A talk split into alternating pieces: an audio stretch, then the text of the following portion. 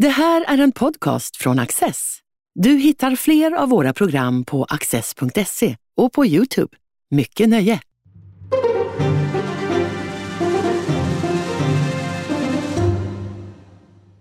Välkomna till Studio Access och ett särskilt välkommen till Tommy Möller, professor i statsvetenskap vid Stockholms universitet. Mycket trevligt att ha dig här.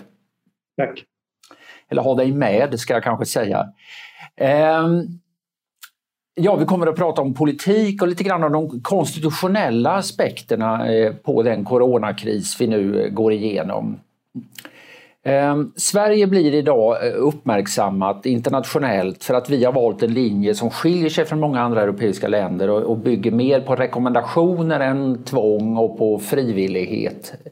Ehm, är du förvånad över att Sverige har valt denna väg? Nej, jag tycker väl också att den här linjen så här långt är ganska rimlig men man brukar ju hänvisa till den starka sociala tilliten som finns i Sverige och den starka eh, tilliten som finns också till, till staten och till de politiska institutionerna. Eh, och det gör ju att eh, hade man valt en annan mer så att säga, restriktiv inskränkande linje, fridsinskränkande linje så hade säkert folk accepterat det också. Vi har ju förutom den här starka tilliten som ju har historisk bakgrund så har vi också en erfarenhet av staten som, som skiljer sig lite grann från många andra länder på kontinenten. Eh, det har att göra med att Sverige hade ju aldrig någon riktig feodalism och det gör att vi har säga, en posi mer positiv erfarenhet och mer positiv syn på staten och det har ju varit väldigt tydligt under 1900-talets enormt stora expansion av den offentliga sektorn. Det, det, det skulle jag säga är förklaring, en förklaring till det, just den här eh, goda erfarenheten. Så att på det sättet så hade säkert svenskarna också accepterat lite hårdare bandage och mer inskränkningar. Men nu valde inte regeringen och myndigheterna, eller har inte valt hittills, eh, dessa hårdare bandage. Så att säga, är det eh, uppseendeväckande? Ja, i omvärldens ögon så är den ju mycket uppseendeväckande uppenbarligen och, och det blir ju naturligtvis en, en eh, fråga som kommer att fortsätta uppmärksammas framöver om inte Sverige anpassar sig till omvärlden, på säga. Men alltså, om, man, om vi vidhåller den här ganska försiktiga linjen trots allt eh, och den visar sig fungera väl så kommer ju det naturligtvis att, att eh, uppmärksammas också. Eh, och det kommer ju bli en kanske en politisk konsekvens av det som är gynnsam för, för, för regeringen och kanske det politiska systemet i stort. Ehm, skulle det bli omvänt, alltså en, det man har att gå på naturligtvis det är då antalet avlidna eller andelen avlidna i befolkningen. Men också naturligtvis det som kommer ut. Eh, det ska ju då vägas också mot de ekonomiska mål som finns. Det är ju en avvägning man försöker göra. Eh, skulle den sammantagna bilden bli väldigt negativ så är det klart att det här kommer att kunna påverka förtroendet väldigt negativt för, för politiken och det politiska systemet, det är jag ganska övertygad om. Det är naturligtvis en självklarhet. En knepighet här är väl då att, att tidsutdräkten är så lång. Alltså nu, det, det, blir ju en väldig, vad ska man säga, eh, otålighet hos väldigt många människor. Man vill veta, fungerar den här metoden, fungerar den inte? Och så kan man titta på dagens siffra och den ser illa ut och vi har fler eh, eh, avlidna nu än vad till exempel våra nordiska grannländer har. Å andra sidan så säger de här forskarna att viruset kan komma tillbaka i en andra våg. Det, det, blir liksom inte tryggt förrän det finns en bred immunitet antingen genom vaccinering eller genom att väldigt många har haft eh, sjukdomen. Så utvärderingen är inte möjlig förrän kanske om två, tre år. Svenskarna har tillit, har de tålamod?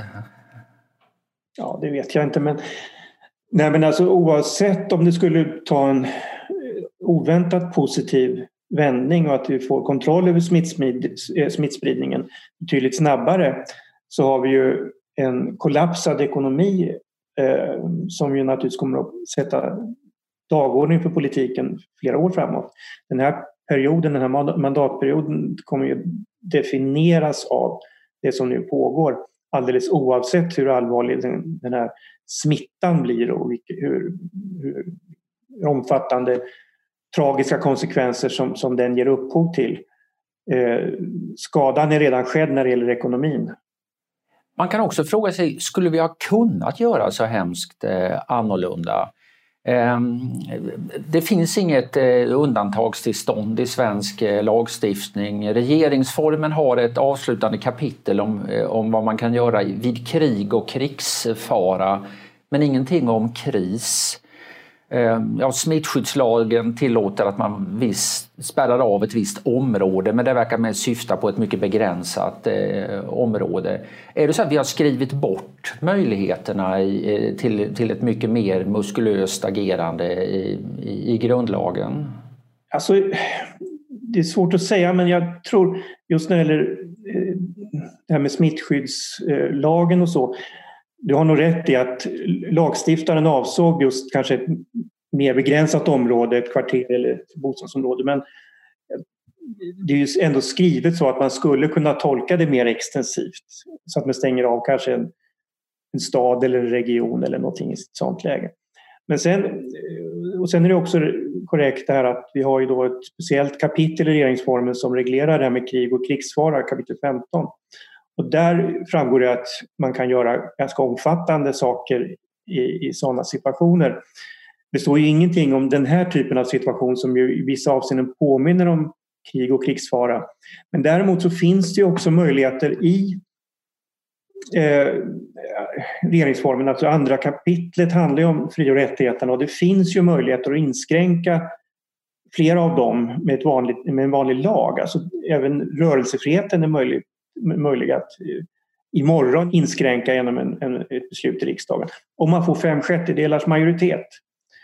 Ehm, så i praktiken skulle jag säga att man skulle kunna använda grundlagen på ett sätt som eh, möjliggör väldigt omfattande begränsningar av fri och rättigheterna eh, och bland annat också rörelsefriheten eh, redan nu så att säga, även om man då kanske då inte har tänkt riktigt på en sån här situation när man utformade grundlagen. Det, det är möjligt. För, för, den här begränsningen i, i, hur stora offentliga sammankomster får vara, det, den begränsningen görs den med hjälp av eh, den här passagen i regeringsformen då? Ja, det, är, det är ordningslagen som medger det. Eh, och det kan ju regeringen det besluta som man nu gjorde då med en vanlig förordning så man behöver inte gå till riksdagen. Så mötesfriheten och demonstrationsfriheten kan ju då inskränkas ganska enkelt. Och det gör man ju då och då utan att det blir någon stor uppmärksamhet kring det eh, av trafikskäl och ordningsskäl och sådana saker. Samtidigt ser vi nu hur ett antal länder så genomför man ändå rätt drakoniska eh, åtgärder och, och eh, man får bara träffas eh, två personer i, eh, i, i, Tyskland till exempel. Ehm, Andra länder eh, går väldigt, ännu hårdare. Ungern har liksom infört styre via dekret nu för premiärministern. I Finland har man spärrat av ett helt län med militär. Eh, det jagas folk med drönare, eh, eller övervakas åtminstone i, eh, i vissa länder. Vad säger det om Europa 2020 att det här sker eh, med så begränsade protester? Ja, alltså människor är ju, är ju är väldigt rädda. Alla är vi ganska rädda, varierande grad rädda. Vi är beredda att acceptera ganska mycket för att eh, det här... Vi är rädda för vår egen skull, för våra familjemedlemmars skull och våra vänners skull. Alltså det, det är ett exceptionellt läge som ingen hade kunnat se bara för två månader sedan eller en månad sedan. För man kan ju tänka, jag, jag, tror det är som du säger, rädslan är en oerhört stark eh, kraft som kan eh, som är mycket naturlig men som också kan ta sig väldigt eh, obehagliga eh, uttryck. Vad man funderar lite på är ju hur samvarierar det här med andra opinionsstämningar man har sett på senare tid. Liksom en återkomst för ja, nationen, eh, det nationella, sug efter starka ledare. Jag menar, det finns ju över hela världen det här att eh, regeringschefer eh, tar en mycket större plats i, sina samlanden än vad de har gjort tidigare. Ibland med rent despotiska på ett rent despotiskt sätt och ibland under formellt oantastliga demokratiska former. Men, men liksom, om det inte orsakar den här reaktionen på smittan, kan reaktionen på smittan orsaka att de där stämningarna förstärks?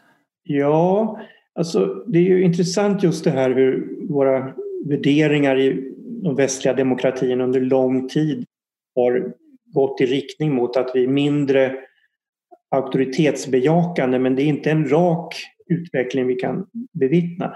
Det här är ju då ett av de positiva dragen man brukar säga som förutsättning för en fungerande demokrati att medborgarna är ganska skeptiska till auktoriteterna. Men det finns hopp i kurvan när det blir starka ekonomiska nedgångar och när det blir utsatta lägen av den här typen eller krig eller så. Och då efterfrågar människor också mer auktoritet, mer auktoritära ledare. Och, och det här kallar ju då till exempel Ronald Lingenhart, eh, amerikansk statsvetare, för auktoritetsreflexen. Och det är väl det vi bevittnar just nu. En tydlig reflex där vi efterfrågar starkt ledarskap. Du är inne på också en annan tanke, nämligen att, att det här har liksom ändå förändrats något under senare tid. Jag kan inte exakt datera, men det finns ju mätningar som visar att att folk är mer benägna idag runt om i världen att efterfråga ett starkt ledarskap.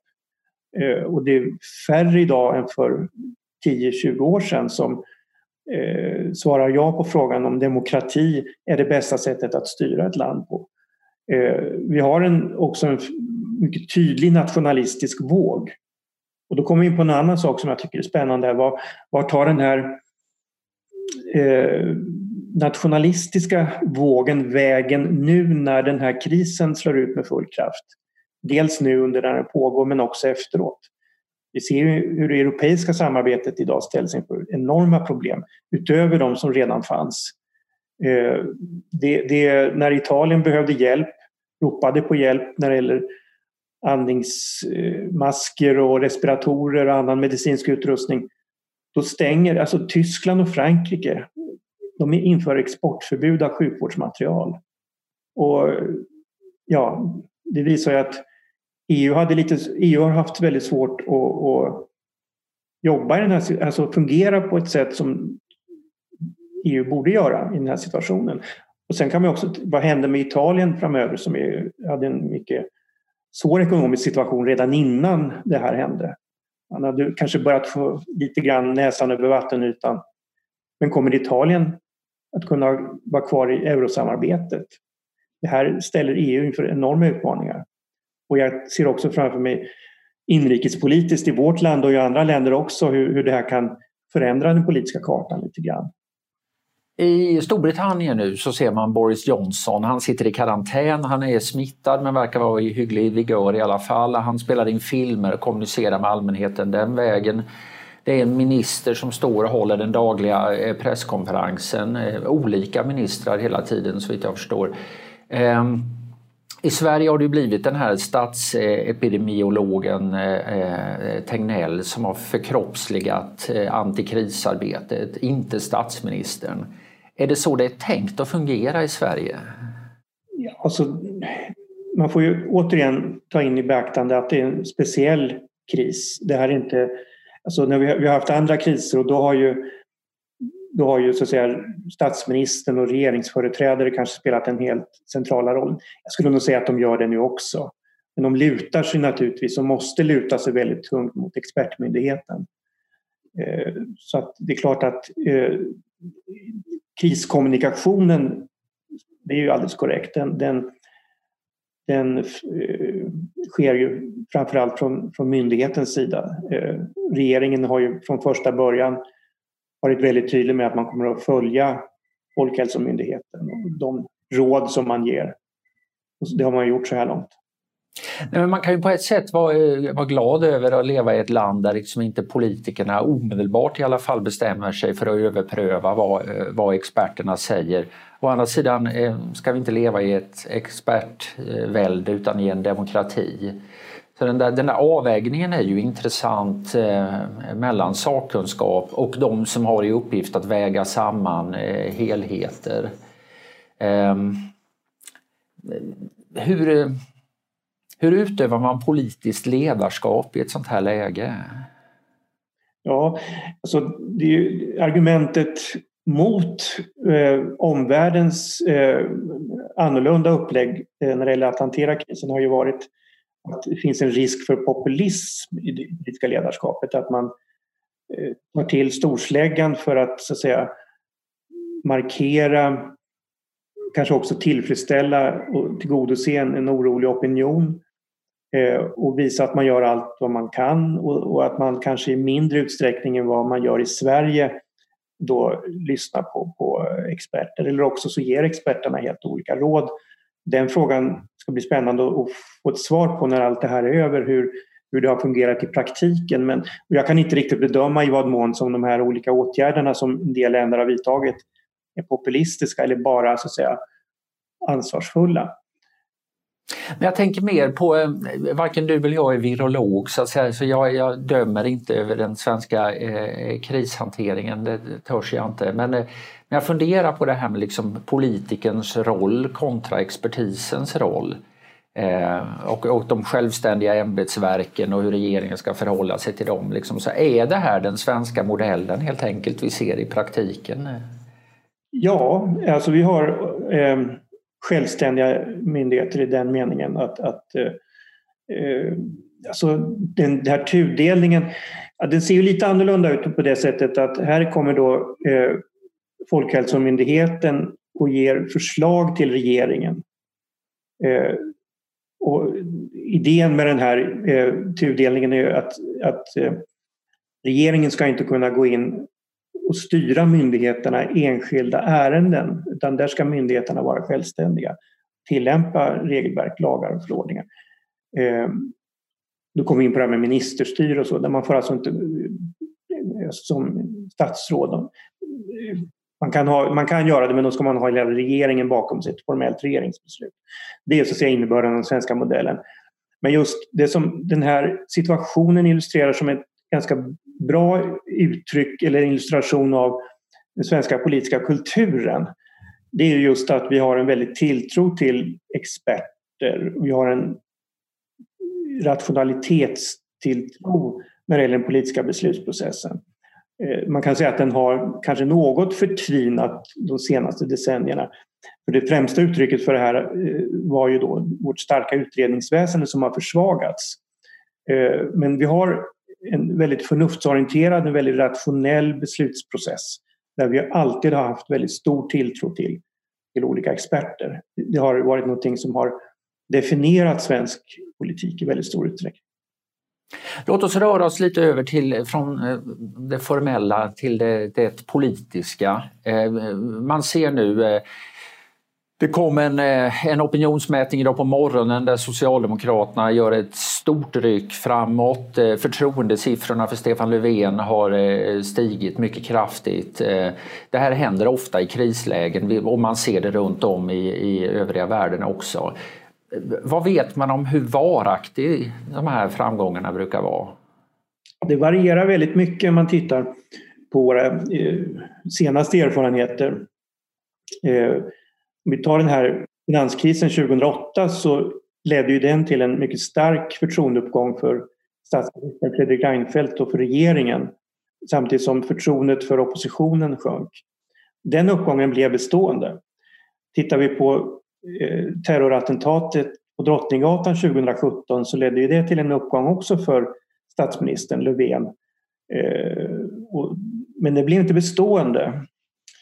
Den, den, eh, den krisen illustrerar också den här svårigheten att vara i opposition för att dåvarande moderatledaren Anna Kinberg Batra gick ut och, och tre dagar efter attentatet hade skett och när Akilov var gripen och man visste vem som hade begått det här och och påpekade då, vilket var fullt rimligt och helt korrekt, att det här hade inte behövt hända om systemet hade fungerat. Akilo var ju nämligen dömd till utvisning. Han skulle inte varit i Sverige. Men då fick hon väldigt kritik för att hon försökte göra partipolitik av det och det ledde till att, att hennes förtroendesiffror sjönk ytterligare.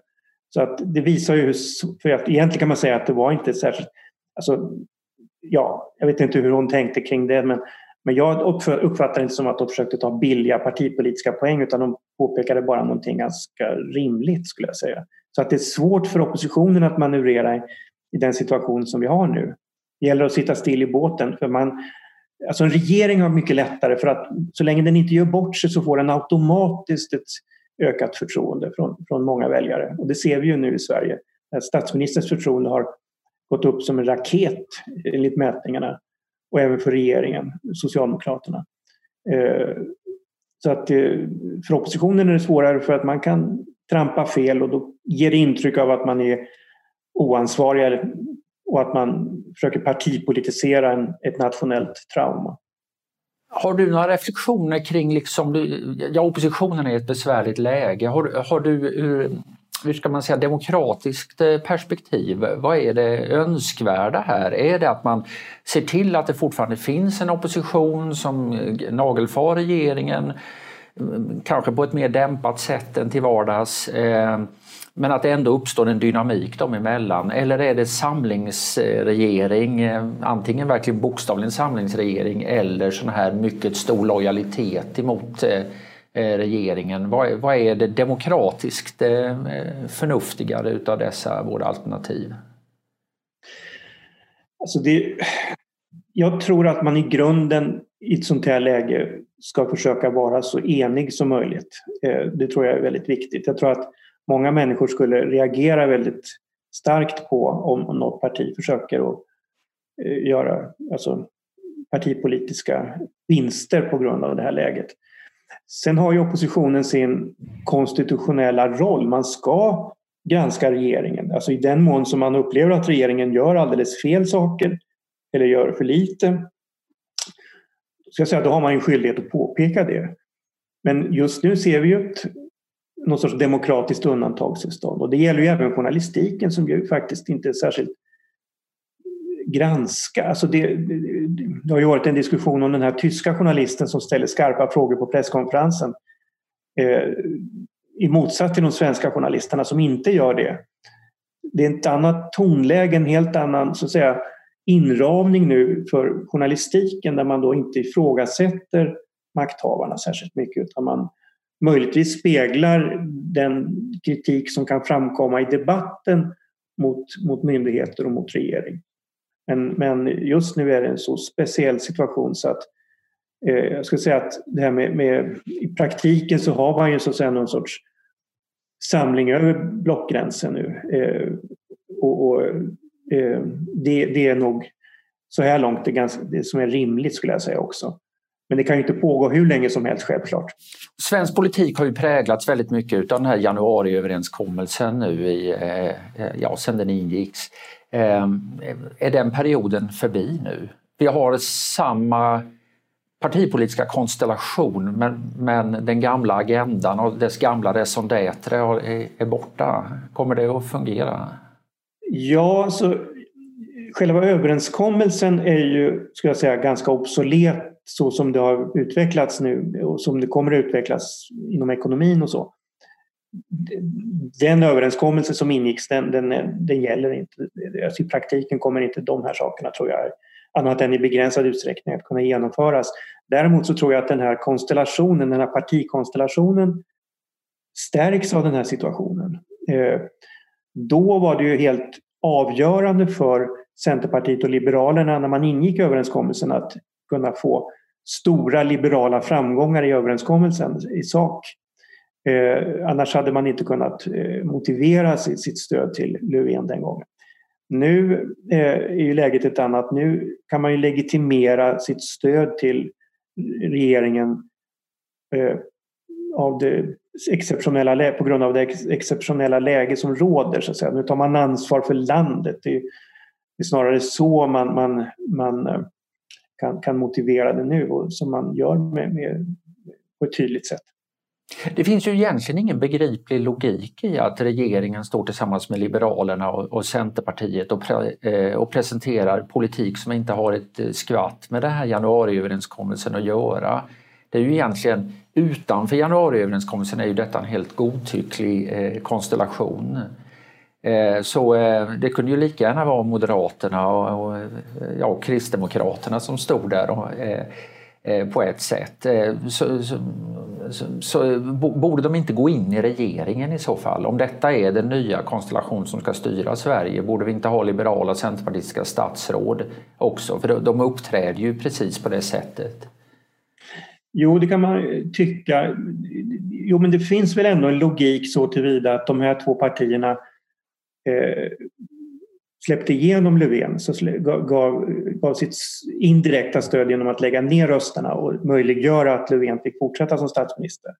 Så att eh, även om den politik man nu genomför och som man sitter och förhandlar om inte har med själva januari, januariöverenskommelsen att göra så är det ändå det parlamentariska stödet som kanske ändå förpliktar lite grann för de här partierna att, att i det här läget stå till förfogande man kan konstruera en sån logik men liksom att de släppte igenom Löfven berodde ju bara på att han gick med på att skriva under de här 73 punkterna.